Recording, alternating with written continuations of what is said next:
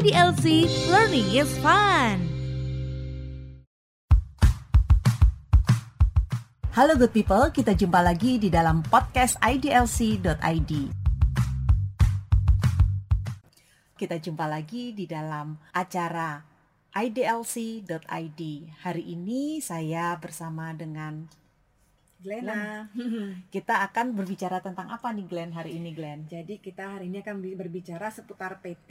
Nah Iya, ini ha-ha. yang sebenarnya eh, mungkin banyak orang yang eh, ini juga ya nggak aware juga. Mm-mm. Sebetulnya kalau kita bilang eh, di dalam suatu PT Mm-mm. itu ada yang namanya eh, RUPS rapat rapat umum, rapat umum pemegang saham Mm-mm. sebagai organ yang tertinggi dan di bawahnya itu ada eh, direktur dan eh, komisaris direksi dan Mm, komisaris. mm, mm, mm. Nah seperti yang kita tahu ya Mbak Irma ya kalau eh, Mm-mm. Apa jabatan direksi itu kan bergengsi banget ya Mbak ya. Oh iya, sebab dulu sih orang pada rebutan ya Glenn Hmm. jadi direksi ya di Glenn Benar, benar, karena kan benar. tetap gimana pun, ih gue direktur gitu loh. Mm-mm, betul. Nah, di da- sebetulnya di balik nah, dari jabatan yang bergengsi itu sebenarnya kan ada tanggung jawabnya ya, Mbak ya. Benar. Mm-mm. Jadi di lain pihak memang secara jabatan dia bergengsi, tapi eh, tanggung jawabnya pun juga cukup eh, besar ya buat direksi Mm-mm. maupun untuk komisaris sebuah perusahaan, Glenn. Mm-mm, benar. Jadi is- istilahnya orang bilang eh, di balik kekuatan yang besar ada tanggung jawab besar ya, Mbak ya. Benar, Mm-mm. no risk no gain. iya, benar benar benar. Ada temanku tuh Glenn diangkat jadi direktur malah ngomongnya bukannya Wow asik gitu enggak malah bilangnya innalillahi katanya gitu karena dia merasa aduh gila ini banget apa namanya perasaan berat banget gitu jabatannya Karena gitu. habis jadi tanggung jawab gue dong kalau ada apa-apa sama Iya, PT benar, gitu ya. benar. Mm, Nah, Mm. sebenarnya nih Mm. Mbak, kalau kita bicara di undang-undang PT, tanggung Mm. jawabnya si direksi dan komisaris dan RUPS ini sampai mana sih Mbak sebetulnya masing-masingnya? Ya, jadi gini Glenn, pada dasarnya eh, direksi dan komisaris perusahaan itu memiliki tanggung jawab yang cukup besar karena bagaimanapun ya namanya sebuah PT itu eh, dia walaupun dia merupakan badan hukum yang disamakan kedudukannya dengan eh, orang atau dan dapat bertindak sebagai subjek Mm-mm. hukum, bagaimanapun kan tetap yang melakukan kan the man behind the gun-nya gitu kan Benar, ada The man- orangnya. ada Hmm. orangnya di baliknya. Nah, si orang yang di balik PT inilah yang eh, kalau dia melakukan salah urus, dia bisa sampai bertanggung jawab sampai harta pribadi jika terbukti karena kelalaiannya dia bertang eh, dia melakukan eh, kerugian terhadap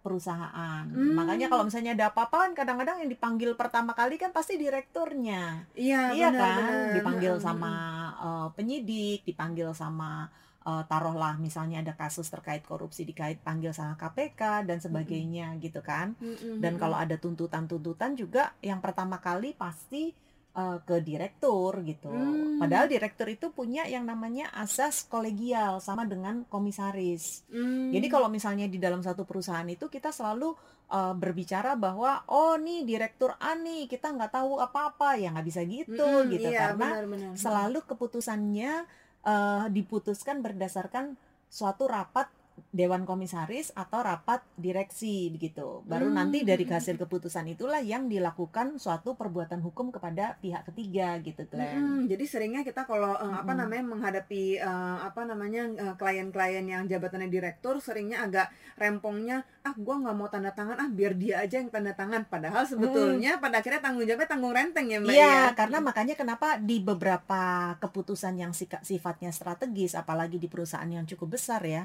Mm-mm. itu bahkan eh, kalau nggak ada putusan rapat dewan direksi, itu direktur itu bahkan tidak bisa melakukan perbuatan hukum Hmm. sendirian, walaupun Mm-mm. secara umum dalam direksi itu pasti diwakili oleh salah seorang. Apa Mm-mm. yang pasti adalah direktur utamanya. Mm-mm. Tapi kita harus lihat lagi nih di pasal 12, kadang-kadang direktur utama itu tidak bisa bertindak sendirian, melainkan harus dua direktur ataukah Mm-mm, direktur betul, utama dengan direktur keuangan misalnya seperti Mm-mm, itu. Terus juga ada yang namanya harus ada perbuatan-perbuatan hukum tertentu eh, harus mendapat persetujuan dari rapat umum pemegang saham Mm. atau rap- eh, perbuatan hukum tertentu tersebut harus mendapat persetujuan dari komisaris. Mm, Nah, betul. sebagai sering yang jadi pertanyaan adalah komisaris ini bertanggung jawab seberapa besar kalau Iya. misalnya dia sendirian gitu kan. Mm-mm. Nah, kalau sendirian ya tentunya dia sendirian gitu. Tapi kalau Mm-mm. terdiri dari misalkan uh, dua apa tiga dewan komisaris, otomatis si eh, komisaris tersebut sifatnya adalah kolegial tadi, Glenn. Hmm. Jadi kita nggak bisa ngomong eh, salah satu aja, kan kembali Mm-mm. lagi ke pasal 108 Undang-Undang eh, PT mengharuskan bahwa eh, komisaris itu selalu harus dianggap sebagai dewan. Iya, Jadi jadi, kalau harus misalnya- eh, ini ya board ya gitu ya, Board, nggak jadi- bisa ada apa komisaris yang komisaris utama doang atau Hmm, komisaris hmm, independen hmm, doang hmm, gitu, nggak hmm, begitu hmm. ya berarti ya Mbak Iya, ya. Mm-mm. kecuali ada yang disebut sebagai komisaris utusan Glenn. Nah, Hmm, komisaris hmm. utusan itu biasanya ditunjuk salah satu dari mereka berdasarkan keputusan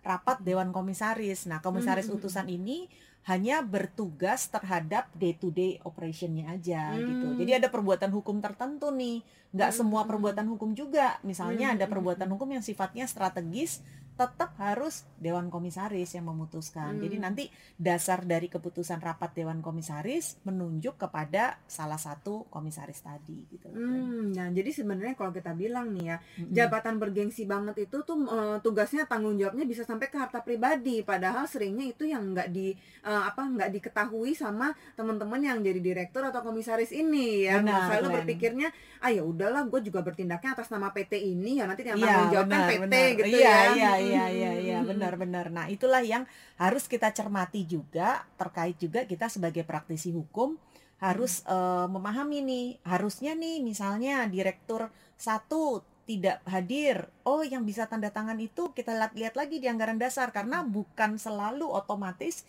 direktur lainnya menggantikan. Hmm. Bisa terjadi itu harus ada kuasa dari dewa- direktur utama misalnya Hmm, betul. atau harus ada dua direktur Mm-mm, atau mm-mm. harus ada putusan dari uh, dewan direksi misalnya Hmm. seperti itu. Nah, benar-benar. itu. Nah, itu seringnya eh, apa eh, teman-teman direktur ini berpikir ya udahlah nanti nih yang bertanggung jawab kan si pemilik nih, ya kan. Eh, misalnya contohnya eh, si PT ini eh, para pemegang sahamnya mereka nggak langsung yang terjun sebagai Hmm. direktur atau komisaris dan Hmm. akhirnya hire profesional Hmm, gitu hmm, kan. hmm, Nah, hmm. terus mereka merasa kayak ya gue kan cuma pegawai di Hmm, sini hmm, gitu kan. hmm, Berarti hmm, bukan hmm. tanggung jawab pegawai ya nanti biarin aja pemiliknya aja yang tanggung jawab gitu. Mm-mm, Dalam hal misalnya nih terjadi kepailitan nih Mbak Mm-mm, nih. Nah, mm-mm, itu eh, kan bu- bukan serta merta tanggung jawabnya dialihkan kepada pemilik dong berarti ya Mbak ya, bukan Hmm. kepada pemegang saham ya Mbak ya. Jadi memang gini, pemegang saham itu namanya juga perseroan terbatas ya. Mm-mm. Perseroan terbatas itu kan tanggung jawabnya sebatas saham yang dimiliki. Jadi misalkan ada PTA, pemegang sahamnya PTB, yang dipilotkan adalah PTA. Tentunya yang eh, apa di freeze lah istilahnya adalah PTA, PTB-nya walaupun dia pemegang saham, dia tidak serta merta harus Hmm. sampai ke pada asetnya PTB. Namun harus dibuktikan juga karena bisa terjadi ada eh, salah urus gitu loh Glenn Oh iya atau benar. ada suatu ketentuan misalnya belum boleh bagi dividen eh Mm-mm. ternyata udah dibagi dividen jadi kan ada Mm-mm. ketentuan di dalam perjanjian kredit misalnya untuk dibagi dividen harus mendapat persetujuan dari eh, kreditur misalnya atau dia sudah membuat satu perjanjian subordinasi hutang misalnya nah itu kan ada hal-hal yang memang sudah eh, diperjanjikan sebelumnya atau yang memang sudah diatur di dalam undang-undang PT yang harusnya pokoknya jangan sampai ada eh, PT itu hanya dijadikan sebagai vehicle ataukah alat untuk memperoleh keuntungan bagi pemegang saham. Nah, Hmm. kalau udah sampai seperti itu, itu bisa masih bisa dikejar kalau memang Hmm. dapat dibuktikan gitu, Mm-mm, Glenn. jadi sepanjang sebetulnya unsur-unsur yang harus dipenuhi adalah eh, nggak boleh menyebabkan eh, ini ya apa kerugian yang nyata gitu yang disebabkan oleh perbuatan si orang tersebut gitu ya Mbak berarti ya. Nah selain dari itu juga harus dilakukan dengan secara itikat baik ya kan pastinya kalau eh, kita lihat dari undang-undang PT. Dan terus yang penting lagi satu hal lagi yang kita juga sering apa orang berpikir ah karena gue punya jabatan ya gue bisa kan yang ngatur-ngatur mau ngapain gitu. Nah terus akhirnya bolehlah nunjuk-nunjuk akhirnya perusahaan-perusahaan atau bikin perusahaan suruh orang yang istilahnya terkait gitu kan terafiliasi gitu ya mbak ya bahasa kerennya ya mbak Iya, ya. iya. nah terus yang menyebabkan akhirnya terjadi benturan kepentingan ya mbak ya. Iya, betul, betul. Mm-mm. Jadi benturan kalau eh, ada transaksi-transaksi yang menyebabkan benturan kepentingan dan akhirnya menyebabkan menyebabkan kerugian kepada salah satu pihak dan sampai menyebabkan dipilotkan itu berarti bisa bertanggung jawab sampai ke harta pribadi ya Iya, mbak ya. benar, Mm-mm. benar. Dan eh, sebetulnya kayak misalkan eh, ada salah urus pun, tapi tetap yang pertama kali yang ditanya kan pasti direkturnya, karena kan gimana pun, misalnya nih PT melakukan suatu eh, tindak pidana atau PT membuat suatu kerugian atau eh, cedera janji terhadap suatu kontrak. Kan yang dicari orang yang ngejalanin PT itu kan pastinya Betul, kan betul. bukan bukan juga PT itu kan namanya dia suatu badan hukum Mm. tetap ada orang-orang di dalam badan hukum Mm-mm. tersebut gitu loh Glenn Iya betul betul. Mm-mm. Jadi tetap yang dicari adalah siapa sih Mm-mm. pengurusnya gitu ya Mbak Mm-mm, ya. mm-mm. Nah kalau kita berbicara tentang eh, tanggung jawab direksi dan komisaris sebenarnya ini kita harus bahas lebih detail lagi ya Mbak ya mengenai Iya, ini ya. betul. Mm-mm, mm-mm. Nah jadi kalau misalnya kita nanti mau eh, apa ngadain webinar gitu ya Mbak boleh kali ya Mbak ya kita Iya, bicarain bisa. tentang tanggung jawab ini ya PT ya karena eh, sejauh ini kan selama ini yang kita bicarakan tuh eh, hanya si PT-nya ini sebagai subjek hukum. Tapi kita nggak membicarakan tentang organ-organ di dalamnya yang sebetulnya organ-organnya pun juga punya tanggung jawab, bukan serta merta itu menjadi tanggung jawab dari si PT itu sendiri ya Mbak ya. benar benar Mm, banget mm, Glenn mm. Nah, kita ngobrol-ngobrol lagi Mm-mm. di acara-acara berikutnya ya Glenn ya Iya pastinya. Iya, Nanti kita sharing-sharing lagi ya Mbak ya. Iya. Oke, Sampai jumpa. sampai jumpa